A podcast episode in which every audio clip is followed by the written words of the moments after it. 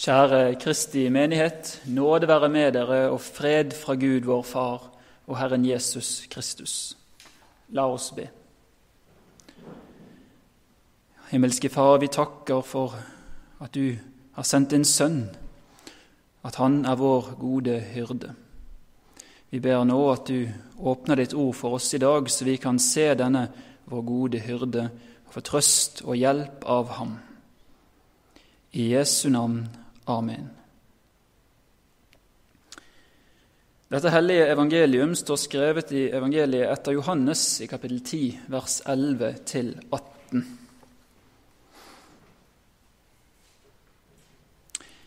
Jesus sier, 'Jeg er den gode hyrde'.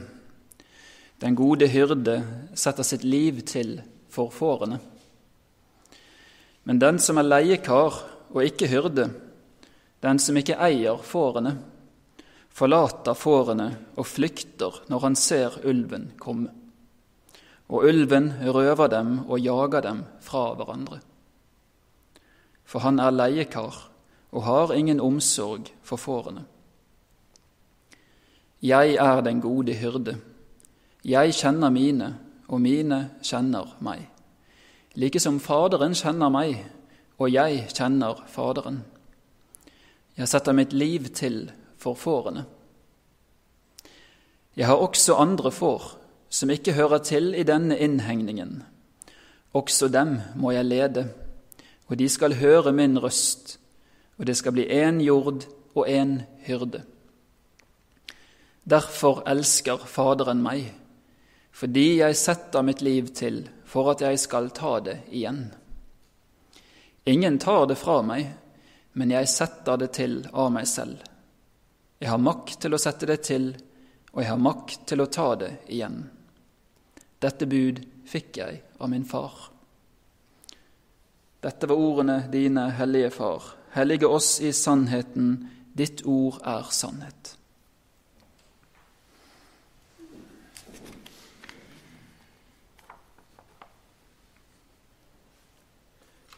Den gode hyrde setter sitt liv til for fårene, sier Jesus i dagens tekst. Bildet av Jesus som den gode hyrden er kanskje et av Bibelens mest kjære og trøsterike. Det formidler hans omsorg, varme og hengivenhet, men også vår avhengighet til Herren. Og dessuten, det viser oss hvordan Herren leder oss, nemlig ved sitt ord slik hyrden kaller på fårene med stemmen. Teksten vi har lest, befinner seg midt i en lengre serie med ulike bilder, alle basert på eh, en fårehyrde eller en sauebonde i det første århundret. Den videre sammenheng er hans oppgjør med fariseerne etter helbredelsen av den blindfødte i kapittel 9. Jesus helbredet der en mann som var født blind. Fariseerne med sin store skriftkunnskap burde ha forstått betydningen av dette, men de ville ikke det, og de ble fiendtlig innstilt mot både den blindfødte og Jesus selv. Hyrdebildene i første del av Johannesevangelium kapittel 10 er så Jesus' svar til fariseerne. I begynnelsen av kapittel 10 tegner han kontrasten mellom fårenes hyrde, som kjenner fårene med navn, og tyver og røvere som sniker seg fram for å stjele og ødelegge. Fårene kjenner ikke stemmen til den fremmede eller tyven. For en jøde i det første århundret som hørte disse ordene, ville tankene trolig fort gå til en rekke tekster i Det gamle testamentet ikke minst hos profeten Esekiel i kapittel 34. Der males kontrasten mellom Israels dårlige hyrder og Herren selv, den gode hyrde. Ordene til de dårlige hyrdene, eller gjeterne, er rammende. Det står så i Esekiel kapittel 34, vers 1-5. Så sier Herren Gud, ved Israels gjetere som bare gjeter seg selv. er det ikke sauene de skal gjete. Dere spiser fettet og kler dere med ølen og slakter de beste dyrene, men sauene gjeter dere ikke. Ikke har dere styrket de svake, ikke helbredet de syke, ikke forbundet de skadde, ikke hentet tilbake de fordrevne, ikke lett etter de bortkomne, men med makt har dere hersket over dem, og med tvang. Sauene ble spredt og hadde ingen gjeter. De ble til føde for all slags villdyr. De ble spredt. Dette er kraftig kost. Israels ledere på Esekiels tid får en knusende dom. De gjeter seg selv og svikter helt i sin oppgave med å sørge for, lede og hjelpe folket. De har åpenbart ikke forkynt Guds ord som de skulle, og de har vært drevet av begjær etter penger, ære og makt. Men Esekiel går så videre og taler om en annen hyrde, nemlig Gud selv, slik vi hørte i leseteksten fra Det gamle testamentet. Så sier Herren Gud, se, jeg vil selv lete etter sauene mine og ta meg av dem. Som en gjeter tar seg av sauene sine og er med dem den dagen de blir spredt, slik vil jeg ta meg av sauene mine og berge dem fra alle de stedene de kom til da de ble spredt, på den mørke og skytunge dagen. Når Israels hyrder svikter, så er Gud selv flokkens hyrde. Ja, Israels hyrder må svare regnskap for Gud, den øverste hyrde. Men Esekiel sier også, enda litt lenger ut i dette kapittelet, jeg vil sette én gjeter over dem, og han skal gjete dem. Min tjener David, han skal gjete dem, han skal være deres gjeter. Jeg, Herren, skal være deres Gud, og min tjener David skal være fyrste blant dem. Jeg, Herren, har talt. Her taler han altså om enda en gjeter, min tjener David. Dette er, som vi før har sett, en messiansk tittel fra og med Natans løfte til David. Altså, Esekiel taler her om Messias. Og når Jesus sier 'Jeg er den gode hyrde', så sier han med dette at han er Messias. Da ser vi det oppfylt det som han forut har gitt løfte om ved sine profeter i hellige skrifter, at Messias skulle være den gode hyrde som Gud skulle sette over sin flokk. Dette er et godt budskap for oss, vi som hører hyrdens røst og følger ham i dag.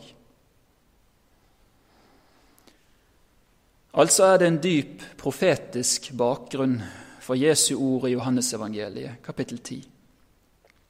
Fariseerne kommer da i rollen som Israels dårlige hyrder i Esekiel kapittel 34, mens Jesus er den gode hyrde, den gode hyrde Guds tjener David.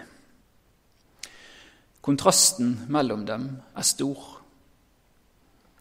Fariseerne gjeter seg selv, de eter enker ut av huset og holder lange bønner for syns skyld, som Jesus sier i sin straffetale over dem i Matteusevangeliet kapittel 24. Deres lære er surdeig som, får, som fårene må ta seg vare for om de ikke skal gå seg vill. Også i dag kan det oppstå dårlige hyrder som farer med vranglære. Paulus advarer mot dem i Romerbrevet kapittel 16. Der sier han.: Men jeg formaner dere, brødre, hold øye med dem som volder splittelse og anstøt mot den lære som dere har lært Vend dere fra dem, for disse tjener ikke vår Herre Jesus Kristus, men sin egen buk, og med sine fagre og smigrende ord dårer de hjertene til de godtroende. Men slik er altså ikke den gode hyrde, og slik er ikke hans ord. Nei, den gode hyrde setter sitt liv til for fårene, og det skal vi nå se på. Det var et mandig arbeid å gjete sauer i Israel i det første århundret. I ørkenen og på markene var de utsatt for både varme og kulde, og de kunne møte rovdyr eller omstreifende bander og tyver. Dette ligger bak det bildet Jesus anvender. Han er like som en edel hyrde i det første århundret, som leder flokken til beitemarker, verner dem fra utmattelse og ulykke og beskytter dem fra rovdyr og tyver. På samme måte er Jesus med sin flokk, menigheten av dem som tror på ham. Ja, han setter livet på spill for dem, like som David gjorde da han gjette sauene for sin far og flokken ble angrepet av bjørner og løver. Det kan man lese om i 1. Samuels bok i kapittel 17.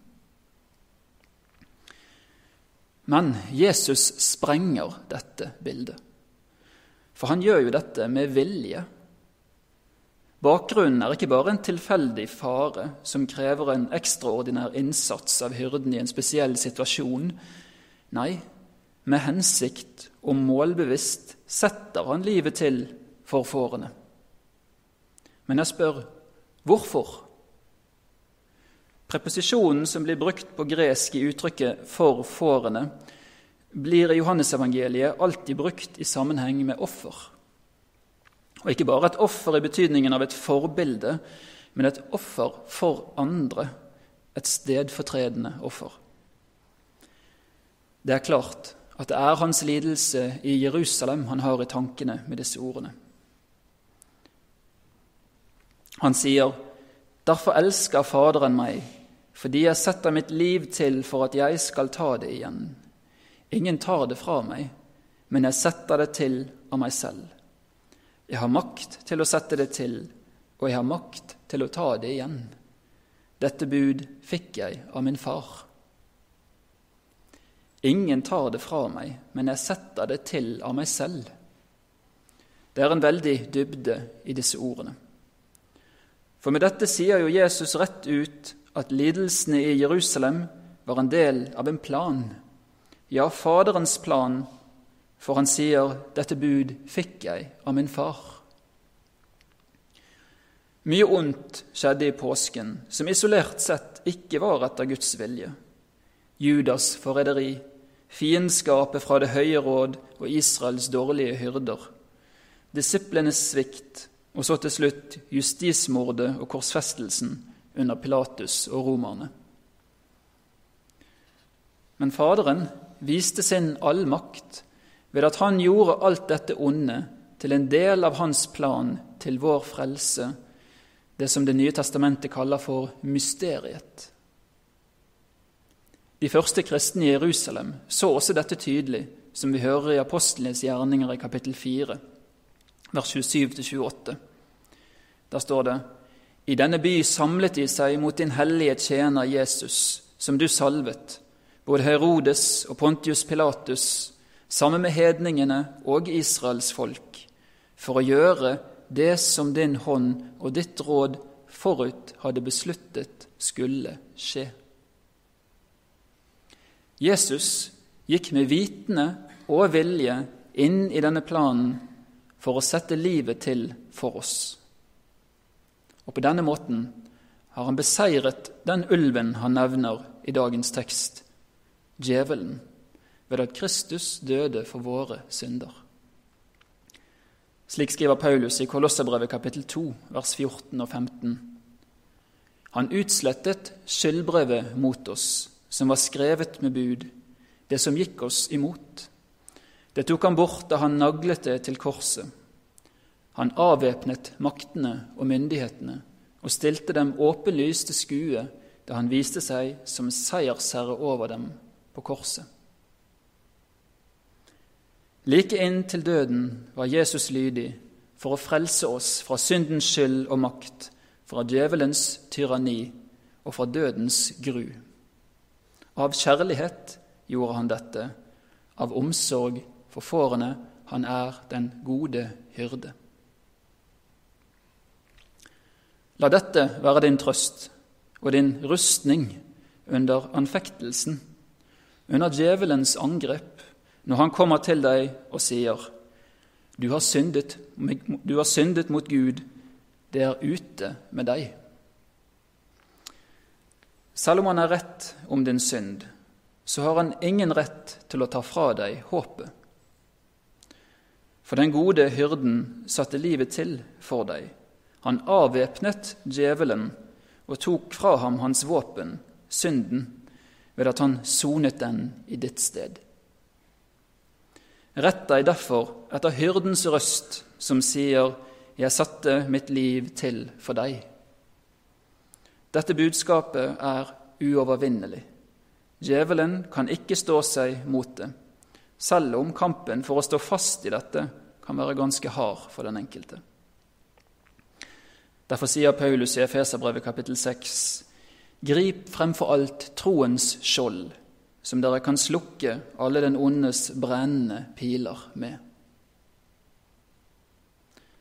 Det er altså dette som gjør utslaget, hyrdens røst som forsikrer oss om den store nåde at han ga seg selv for oss. Dette budskapet rekkes oss i menigheten gjennom ulike midler ved ordets forkynnelse, i dåpen, i nattverdens sakrament og gjennom nøklemakten. Slik har Jesus rikelig sett til sin flokk og forsynt den med mange måter gjennom hvis Hans nåde rekkes, skjenkes og tilsies oss til frelse. Likevel vil kanskje noen tenke nå restriksjoner er kommet pga. koronaviruset. Og det er sant. Og med Derfor har det blitt komplisert med både dåp, nattverd og skriftemål. Men vi har fortsatt evangeliet, lest og forkynt, og dette er tilstrekkelig inntil den tid hvor menigheten igjen kan samles på vanlig måte. For Jesus er vår gode hyrde også gjennom kriser og uventede hendelser som koronaviruset. Denne krisen har forårsaket frykt hos mange, også hos kristne. Man frykter for sitt levebrød, sitt arbeid, ja, man frykter i ytterste konsekvens for døden. Men Jesus sier, 'Jeg kjenner mine, og mine kjenner meg', like som Faderen kjenner meg, og jeg kjenner Faderen. Gjennom troen kjenner vi Jesus, og vi er kjent av ham. Dermed har vi fellesskap med Faderen og med Hans Sønn Jesus Kristus. Ingen katastrofe, det være seg koronaviruset eller noen annen ulykke, kan gjøre dette til intet. Hvem kan skille oss fra Kristi kjærlighet? Dette spørsmålet stiller Paulus med retorisk kraft i Romerbrevet kapittel 8. Og han tilføyer trengsel eller angst eller forfølgelse eller sult eller nakenhet eller fare eller sverd? Nei, ingenting. Hold deg bare til hyrdens røst, så vil han bevare deg gjennom denne krisen og de som ennå skal komme av kriser. For dagene er onde, og Bibelen gjør det klart at de siste tider skal være en trengselstid. Det kommer flere kriser. Men som David sier i Salme 23, vers 4.: Om jeg enn skulle vandre i dødsskyggens dal, frykter jeg ikke for ondt. For du er med meg, din kjepp og din stav, de trøster meg. For Jesus er den gode hyrde, og han satte livet til for fårene. Ære være Faderen og Sønnen og Den hellige ånd, som var, er og være skal, en sann Gud, velsignet i evighet. Amen.